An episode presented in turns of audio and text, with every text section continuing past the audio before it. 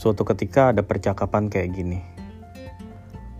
Gue kesel banget sama yang namanya Neymar tuh, pemain bola itu. Dia tuh aktor apa olahragawan sih? Kerjanya itu acting melulu di lapangan.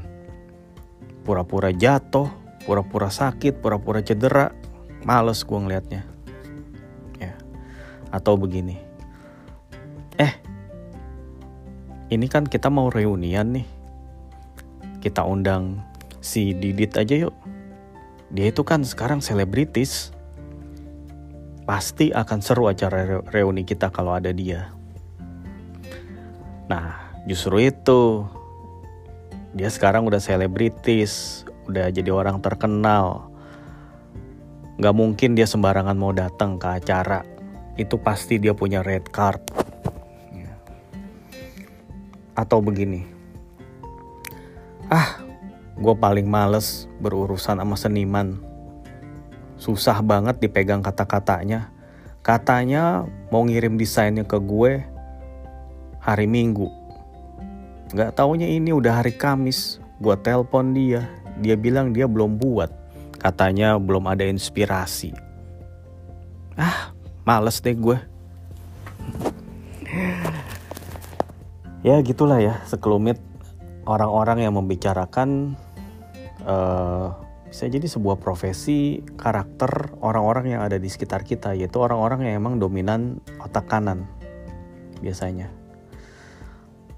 Tapi mungkin kita juga suka salah kaprah ya suka kayak apa namanya menyamakan gitu antara artis aktris dan juga seniman. Kalau artis itu adalah orang yang melakukan pekerjaan seni atau pekerja seni. Ya artis, ya seniman itu sama. Cuma artis itu kan kata serapan dari art ya.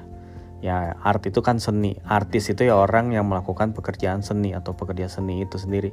Seniman ya orang yang bisa juga dibilang melakukan pekerjaan seni atau juga orang yang hidup dari seni gitu seniman gitu ya tapi kalau aktris, aktris itu adalah pemain film atau pemain teater perempuan. Ya lawannya aktor, pemain film atau pemain uh, teater uh, atau pemain panggung apa pun lah itu laki-laki. Jadi aktor sama aktris itu lebih ke performer. Kalau artis itu lebih ke pembuat karya gitu. Nah, kalau selebritis beda lagi. Seorang selebritis belum tentu dia itu artis atau aktris. Apalagi zaman sekarang ya. Anak alay aja yang cuman bisanya nongkrong itu bisa jadi selebritis, bisa jadi orang terkenal. Karena kalau yang jadi patokan adalah keterkenalan ya atau seberapa terkenalnya dia, ya alay-alay itu juga bisa jadi terkenal tanpa dia menjadi artis atau aktris atau aktor gitu jadi emang perlu dibedain dulu ya tapi di sini gue tertarik dengan seniman sih. Seniman atau artis lah sama gitu. Di antara kita di antara maksudnya di antara orang-orang yang kita pernah kenal gitu itu pasti ada aja yang punya sifat atau punya karakter atau ciri-ciri yang menggambarkan dia adalah seorang seniman gitu. Ya yang pertama itu kalau dia kalau lu punya teman atau punya kenalan seorang seniman pertama jelas dia itu mengapresiasi seni ya. Baik itu seni menggambar dia misalnya pas lagi di pelajaran gitu ya sambil diterangin guru dia tuh suka ngegambar-gambar sendiri iseng di kertas gitu ya. Ya dia pokoknya mengapresiasi seni seperti gambar atau bisa juga dia mengapresiasi uh, sastra. Dia suka banget dengan kata-kata, dia suka banget dengan puisi, sajak, dan lain-lain. Terus dia juga bisa mengapresiasi seni seperti seni musik gitu ya. Atau seni apa ya? Ya macam-macam lah, seni-seni uh, lukis, seni patung, seni pahat. Pokoknya ya semua yang berkaitan sama seni seni rupa berarti lo ya. Istilahnya ya, seni rupa kan. Seni musik seni rupa seni apalagi seni uh, menulis dan lain-lain. Bukan seni berkelit atau seni berbohong gitu ya. Terus uh, selain dia mengapresiasi seni orang ini ya yang biasanya itu adalah seniman dia itu punya pemikiran yang bebas yang merdeka. Dia tuh paling gak mau tuh namanya ngikut aturan-aturan. Dia benci aturan gitu ya. Dia benci misalnya uh, sisiran rambutnya kayak orang-orang gitu atau uh, pakaiannya seperti orang-orang kebanyakan. Nah biasanya kalau temen lu tuh atau orang yang lu kenal itu punya jiwa seniman gitu ya di dalam tubuhnya itu ada jiwa seniman dia tuh biasanya rambutnya tuh agak lain ya kayak entah rambutnya itu dibiarin gondrong atau ya pokoknya nyentrik lah penampilannya itu nyentrik semua gitu. Jadi dia tuh berpenampilan untuk mengekspresikan diri karena orang-orang karena seniman itu emang pandai dalam mengekspresikan diri dia tuh memperlihatkan uh, jiwa mereka kepada orang-orang itu lewat penampilan lewat tindakan mereka, kata-kata mereka, dan karya-karya mereka tentunya. Nggak kayak orang kebanyakan yang senang berlindung di balik uh, apa namanya sesuatu yang aman-aman aja, yang lurus-lurus aja, tidak diperhatikan orang, jadi kayak eh tidak mencolok gitu. Kalau seniman itu emang dia tidak keberatan tampil mencolok gitu. Ya seperti itulah seniman gitu. Dia nggak keberatan untuk beda gitu ya walaupun resikonya dia dianggap aneh sama orang dianggap nggak beres lah dianggap apa dia nggak peduli. Karena buat orang-orang seperti ini ya mereka juga nggak nggak butuh validasi dari orang-orang gitu. Dia orang-orang seperti ini hidupnya juga tidak seperti orang kebanyakan yang tidak menganut norma orang-orang. Pokoknya mereka tuh maunya bebas gitu. Mereka tuh jiwanya bebas. Ya Terus selanjutnya seniman itu biasanya suka ngaret. Ya tadi kayak contohnya gue udah gue udah nagih desainnya dia nih yang dia janjiin ya tapi belum kelar. Mereka tuh suka ngaret, nggak nggak on time kalau apa apa gitu. Itu karena dalam melakukan pekerjaan atau beraktivitas mereka itu lebih mengutamakan mood ya daripada komitmen gitu. Jadi buat mereka itu ketika mereka dipaksa untuk menyelesaikan pekerjaan dalam tenggat waktu tertentu itu menyiksa buat mereka gitu. Itu jadi siksaan karena mereka hanya mau melakukan sesuatu uh, ketika inspirasinya itu emang datang dari dalam gitu. Datang inspirasi jebret langsung bikin. Jadi kalau misalnya lu uh, menagih-nagih ke seniman gitu ya, ke orang-orang seperti ini kerjaan dan segala macam dan mereka belum belum juga. Ya berarti emang mereka belum punya mood untuk kerjainnya. Dan emang sulit gitu. Untuk apa ya gimana ya pada ujung-ujungnya sih nyari jalan tengah juga. Tapi awal-awalnya tuh pasti ribet gitu. Mereka itu nggak bisa dipaksa intinya. Mereka nggak bisa dibikinin nggak bisa diatur nggak bisa dipaksa nggak bisa diarahin. Pokoknya mereka itu akan mengerjakan sesuatu yang mereka suka dan pada saat mereka suka mengerjakan yang mereka mau mengerjakannya gitu itulah seniman. Dan yang terakhir mungkin ini ada hubungannya sama yang tadi yang jiwanya bebas gitu ya. Mereka itu nggak mau ngikutin sistem biasanya. Mereka tuh punya cara cara sendiri lah. Mereka punya cara kerja sendiri mereka punya cara berpikir sendiri yang yang mana yang nggak umum itu kadang-kadang. Dan ini uh, ketika lu misalnya lu yang udah terbiasa dengan keteraturan terbiasa dengan urusan-urusan korporat, kantoran, birokratif kayak gitu, itu pasti akan repot kalau lu kerja bareng sama seniman gitu. Lu contohnya lihat ini deh, uh, film filosofi kopi gitu. Yang pertama itu ya, gue lupa nama tokohnya siapa tuh kan pokoknya yang yang main tuh Rio Dewanto sama Chico Jericho kan. Nah, si Rio Dewanto ini ini adalah uh, yang orang yang sangat uh, lurus, orang yang linear cara berpikirnya terus uh, dia tuh orangnya saklek uh, pokoknya dia itu mengutamakan bisnisnya sisi bisnis gitu. Ya tapi dia nggak punya keahlian membuat kopi seperti halnya si Chico Jericho. Nah Chico Jericho ini seorang seniman gitu yang pokoknya si apa namanya si tokoh yang diperani nama si Chico Jericho ini seorang seniman dalam membuat kopi. Jadi uh, dia itu orangnya dalam um, berjualan kopi ya dalam hal kopi dia tuh bukan uang tujuan utamanya gitu. Buat dia adalah membuat kopi itu adalah sebuah uh, apa namanya sebuah proses ya.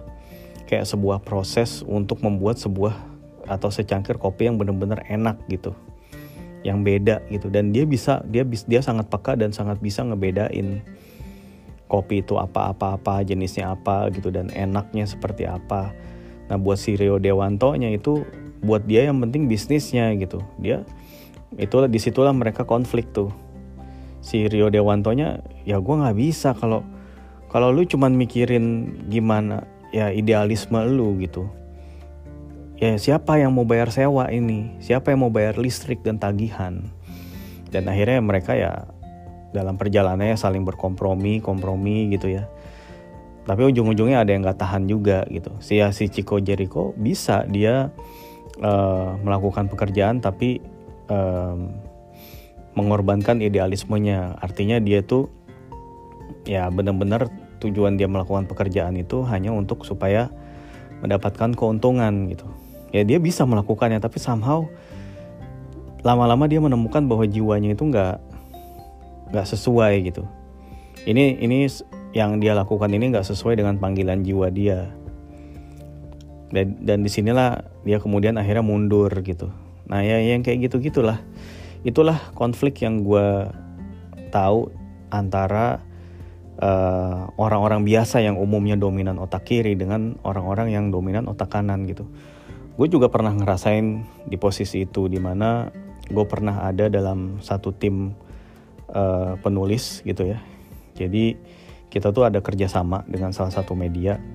Nah medianya ini pengen dibikin kayak semacam eh lu bikinin rencana dong rencana tulisan gitu dalam seminggu ke depan lo mau nulis apa aja gitu nah si seniman ini si teman gue yang ternyata seniman itu dia bilang gue nggak bisa bikin rencana kayak gini. Gue tuh kalau nulis harus bener-bener spontan. Gitu. Gue nggak bisa uh, pakai rencana pakai target pakai apa. Pokoknya gue bisanya bener-bener kalau bener-bener gue ada tuh ide ada muncul inspirasi ya gue langsung tulis saat itu juga. Nah dan emang bener dibandingin kita kita nih yang udah kayak tercampur sama dunia korporat yang serba teratur dan kaku ya si temen gue yang seniman ini dia itu emang punya kualitas tulisan dan punya diksi-diksi gitu ya pemilihan kata-kata yang ajaib menurut gue gitu. Ya dan lebih gimana ya lebih mengena gitu dibandingin tulisan gua-gua pada yang cenderung uh, bikinnya itu ya emang bener-bener supaya bisa memenuhi komitmen gitu. Memenuhi komitmen ya dua-duanya sebetulnya ya nggak nggak salah-salah banget gitu. Nah yang bikin tulisan untuk memenuhi komitmen ya itu kan emang untuk menjaga hubungan gitu ya. Tapi ya kalau buat si seniman dia nggak bisa seperti itu. Itu emang emang repot sih. Kadang-kadang ya konfliknya itu ya seperti itu. Seorang seniman itu sulit kalau ketika lu menyuruh dia untuk kayak komit kayak nentuin tema di awal gitu. Itu sulit karena sekali lagi dia itu orang-orang seperti ini tuh emang bekerja atau melakukan sesuatu tuh emang benar-benar pakai intuisi dia gitu. Daripada pakai logika. Lebih bertindak ya pakai intuisi pakai bisikan hati. Itu daripada logika ya. Walaupun ya pada kenyataannya dalam realita hidup nanti orang-orang seperti ini juga akan menemukan bahwa dianya juga butuh makan. Dia dianya juga butuh uang ya untuk bisa bertahan hidup dan mau nggak mau orang-orang seperti ini pun juga nanti akan ada per, pergumulan dalam uh, hatinya dia dalam benak dia. Uh, mau gimana nih gitu. Apakah gue harus kompromi dengan keadaan gitu ya. Artinya ya gue harus kayak melonggarkan gitu idealisme. Tapi apakah harus terus begini gitu? Ya begini aja gitu. Cuman kan balik lagi ya. Ya kita kan uh, biasanya gitu ya. Umumnya itu menyerah pada realita juga. Ketika lu kemudian udah berumah tangga berkeluarga ya udah. Luntur deh semua itu namanya idealisme namanya apa namanya kayak ya pokoknya panggilan-panggilan hati gitu. Itu lebih panggilan hati itu akan akan kalah kencang daripada panggilan istri atau panggilan anak gitu atau kenyataan bahwa lu itu adalah generasi sandwich yang ya lu tuh nggak bisa memilih dengan leluasa pekerjaan lu gitu. Kalau lu jadi seniman kan itu sesuatu yang tidak pasti yang lu dapat gitu kan. Profesi apanya menjadi apa gitu ya. Itu pun juga nggak jelas karena somehow lu pun juga butuh modal gitu. Lu pun lu butuh modal atau lu butuh untuk kenal orang yang mau ngasih lu modal gitu ya tetap seni itu tetap butuh kapital juga kan. Sekalipun lu seorang artis yang mungkin biasanya tuh artis itu adalah seorang yang anti kemapanan ya anti kapitalis lah atau apa tapi tetap ujung-ujungnya lu membutuhkan kapital modal. Emang kalau lu pengen ngelukis itu alat-alat lukis lu lu beli pakai apa? Emang lu bisa beli pakai idealisme kalau lu pengen lu adalah seorang penulis emang laptop lu koneksi internet lu buku-buku referensi bacaan lu ya dan juga siaran-siaran televisi yang bisa jadi inspirasi lu juga gitu ya atau tempat-tempat yang lu kunjungi supaya bisa jadi mendatangkan inspirasi buat lu itu juga emang semua itu diperolehnya pakai apa? Emang pakai angan-angan dan cita-cita luhur? Kan enggak. Semua tetap butuh kapital ya emang beruntung kalau ketika lu nggak memikirkan uang jadi lu bisa melakukan apa pun sesuka lu tanpa memikirkan lu punya tabungan berapa ya ya itu. Itulah yang mungkin ya beruntung kalau lo kondisi seperti itu. Tapi kan orang yang punya kondisi seperti itu jarang ya. Nggak banyak gitu. Dan kalaupun lu misalnya terlahir dengan privilege segala macam pasti orang tua lu akan menuntut lu juga jadi bisa bisa akan meneruskan empire bisnis dia gitu. Ya ujung-ujungnya tidak ada manusia yang sebebas itu. Tidak ada manusia yang benar-benar merasakan jiwa yang bebas merdeka dan segala macam. Ujung-ujungnya lu tuh kompromi. Ujung-ujungnya lu tuh menyerah dengan keadaan. Ujung-ujungnya menjadi realistis dan kemudian menjadi makhluk yang membosankan. Lu lama-lama mem mematikan idealisme lu dan kemudian berbaur bergumul dengan realita bersama-sama bermacet-macet jalan pagi-pagi kayak orang-orang pergi ke kantor sampai di kantor baca-baca berita online dan ngopi kayak boomers. Terus kemudian pulang kantor dalam keadaan lelah capek naik kereta naik motor atau naik kendaraan apa pun lah kena kemacetan ya tapi kemudian tiap tanggal 25 atau awal bulan lo akan cengar-cengir ngeliatin isi rekening ya. Begitulah. Ya gitulah. Tapi uh, gue ngomong begini bukan berarti gue ingin mematikan semangat buat orang-orang atau jiwa-jiwa siapa pun gitu jiwa-jiwa mana pun yang somehow masih punya gairah atau punya passion gitu dalam seni entah itu lu suka masih suka menulis masih suka menggambar melukis bermain musik bermain teater bermain apalah gitu ya. Karena jiwa lu juga emang raga lu itu perlu diberi makan gitu. Begitu juga raga orang-orang lain gitu yang bergantung hidup sama lu. Apalagi tadi lu bilang lu generasi sandwich. Ya itu emang raganya perlu pada dikasih makan semua. Tapi lu juga punya jiwa yang tetap lu harus sirami dengan hal-hal yang lu suka itu. Jadi tetaplah sediakan waktu untuk itu ya. Kalau emang lu suka nyanyi ya lu iseng-iseng lah nyanyi. Lu suka main musik lu masih main lah. Lu suka menulis lu suka menggambar lu suka membuat video membuat film lakukanlah itu gitu. Karena somehow ya itulah se, se ya sejelek-jeleknya itulah setitik gitu ya kemerdekaan gitu buat jiwa lu yang setelah dalam 40 jam lu harus mengabdi pada korporasi ya 40 jam dalam ya belum termasuk perjalanan berangkat dan pulang ya dan juga capek-capeknya dan segala macam. Ya paling lu cuman kayak punya 16 jam gitu ya. Weekend dua weekend kan 16 ya 8 jam 8 jam gitu atau 10 jam 10 jam. Yang bisa lu gunakan tuh untuk memuaskan dahaga jiwa lu gitu. Ya gitulah ya. Supaya lu tuh tetap waras juga. Supaya lu tuh uh, apa ya? Lu itu nggak jadi orang yang kemudian jadi kaku gitu ya sebenarnya orang yang kaku juga nggak apa-apa juga sih. Banyak kok orang yang tetap bisa hidup walaupun dia tuh nggak suka film nggak suka musik nggak suka olahraga nggak suka seni. Dia tuh cuman kerja apa hidupnya itu cuman kerja kerja kerja tidur sama makan udah gitu. Ada juga yang begitu dan tetap bahagia dan tetap keren-keren aja ada gitu. Ya tapi kalau lu masih punya jiwa-jiwa itu gitu ya jiwa-jiwa seni itu ya jangan dimatikan juga. Menurut gua akan membuat lu jadi tetap ya tetap menarik dan ya tentunya membuat hidup lu juga jadi nggak stressful amat gitu. Ya udahlah. Oke okay, bye